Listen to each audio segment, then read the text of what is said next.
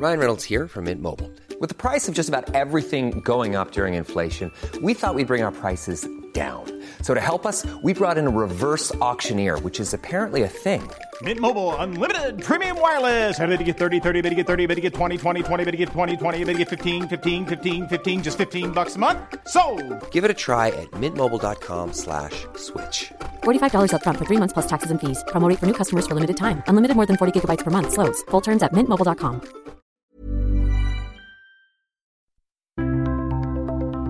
Jeg heter Sandra Helland, er 18 år og slutta på VG3 i starten av september. Begynte like etterpå å søke på jobb. Jeg opplevde at eh, jeg ikke fikk eh, godtatt jobbsøknaden min fordi at jeg hadde ikke utdanningen som trengtes, eller jobberfaringen som jeg trengte.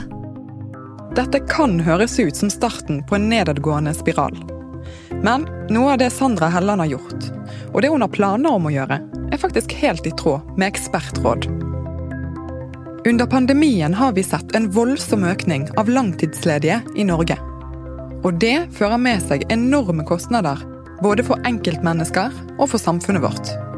Hvordan kan vi forhindre at folk går i årevis uten arbeid? Du hører på Det vi lever av, en podkast fra Bergens Tidende, E24 og Stavanger Aftenblad. Mitt navn er Sigrid Haaland.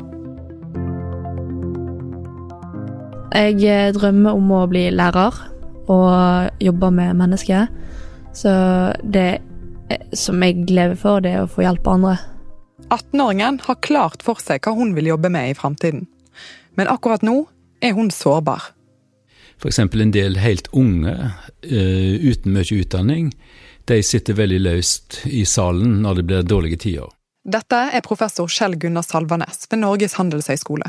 Han har forsket på flere store økonomiske kriser. De vil òg være ledige en stund, men ofte så vil jo en del av de gå på videre, ta seg mer utdanning og, og finne seg jobb igjen. Så de som på en måte òg må gå veldig tidlig når det er dårlige tider, og som kanskje har størst problemer i det hele tatt å komme tilbake igjen. Faktisk sånn at de, de, de forlater arbeidsstyrken. Det er de litt eldre, og da er ikke så gamle, 50 år, men med lite utdanning. Det viser seg at de de, de har problemer å komme inn igjen etter å ha mista jobben. I desember hadde nesten 35 000 mennesker i Norge vært uten jobb i over seks måneder. Det er dobbelt så mange som i januar i fjor.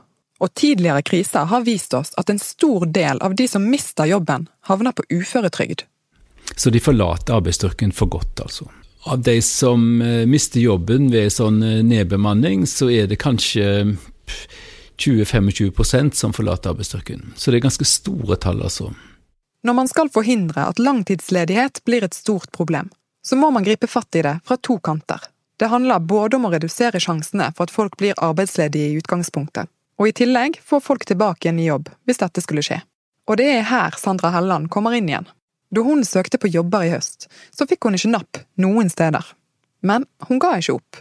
Så jeg la ut eh, annonse på Facebook og tok kontakt med forskjellige, og fikk masse meldinger tilbake over folk som trengte hjelp med hundepass, skriving, eh, handling, ja, you name it. Det var alt mulig forskjellig.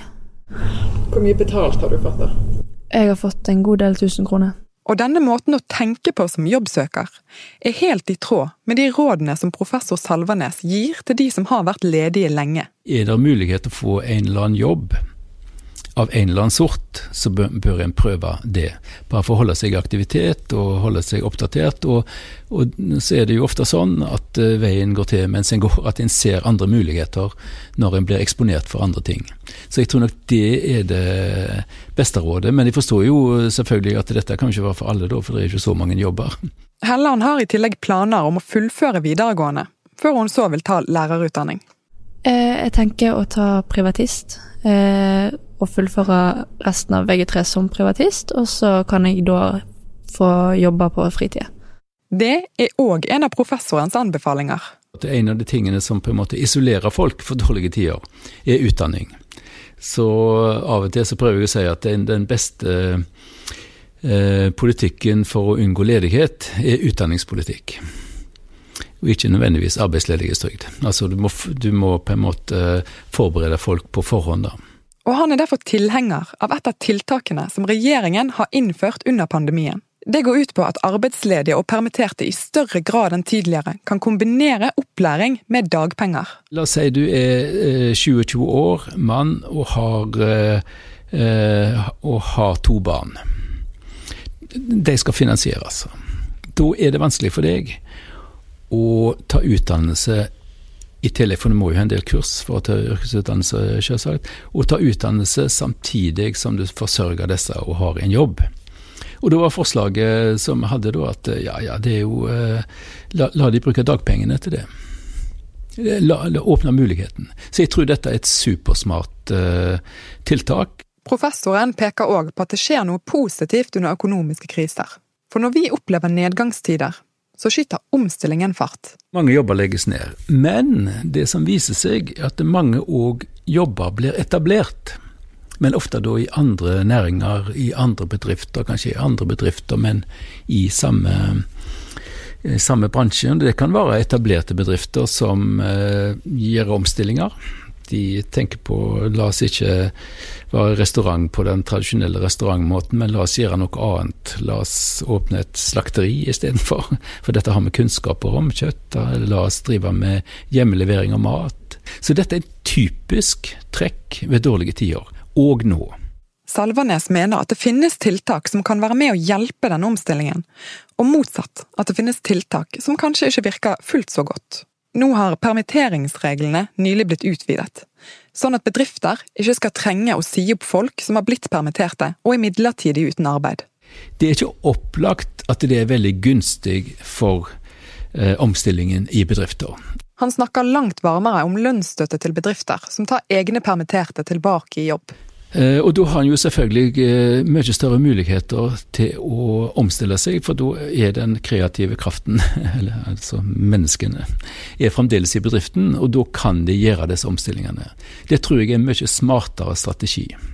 Vi har hatt denne ordningen i Norge i flere perioder under pandemien. Salvanes sier at spørsmålet nå er om dette vil bli videreført. Finansdepartementet opplyser at Stortinget har bedt regjeringen om å utarbeide en ny slik ordning, men at det ikke er naturlig å kommentere dette nå. Til sammen så har det blitt brukt 825 millioner kroner ekstra på arbeidsmarkedstiltak under pandemien, ifølge Arbeids- og sosialdepartementet. Direktør i Nav Vestland, Anne Kverneland Bogsnes, sier de har god erfaring med flere typer tiltak rettet mot langtidsledige.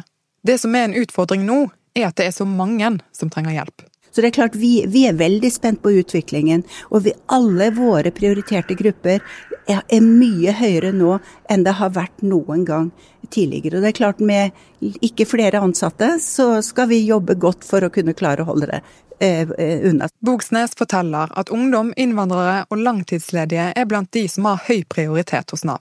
Andre grupper, som f.eks. eldre, kan bli skjøvet bak i køen. Vi er nødt for å prioritere, så det kan jo ta tid før de får den hjelpen de har behov for. Men selv om vi nå er i en krise med rekordhøy langtidsledighet, så ser ikke professor Salvanes helmørkt på situasjonen. For mens han forsket på økonomiske kriser tidligere, så var det spesielt én ting som forbauset han. Det er det hvor tilpasningsdyktig folk og økonomier er, og kanskje særlig de nordiske økonomiene, hvor tilpasningsdyktige de er. Hvor, hvor snart de tar seg inn igjen. Mitt tips er at uh, den tilpasningsdyktige og veldig dynamiske norske økonomien, at dynamisk i den forstand at uh, at folk, uh, når de mister jobben, så får de sine nye jobber igjen ganske raskt, faktisk. Under normale omstendigheter. At det, det, disse mekanismene kommer til å virke igjen.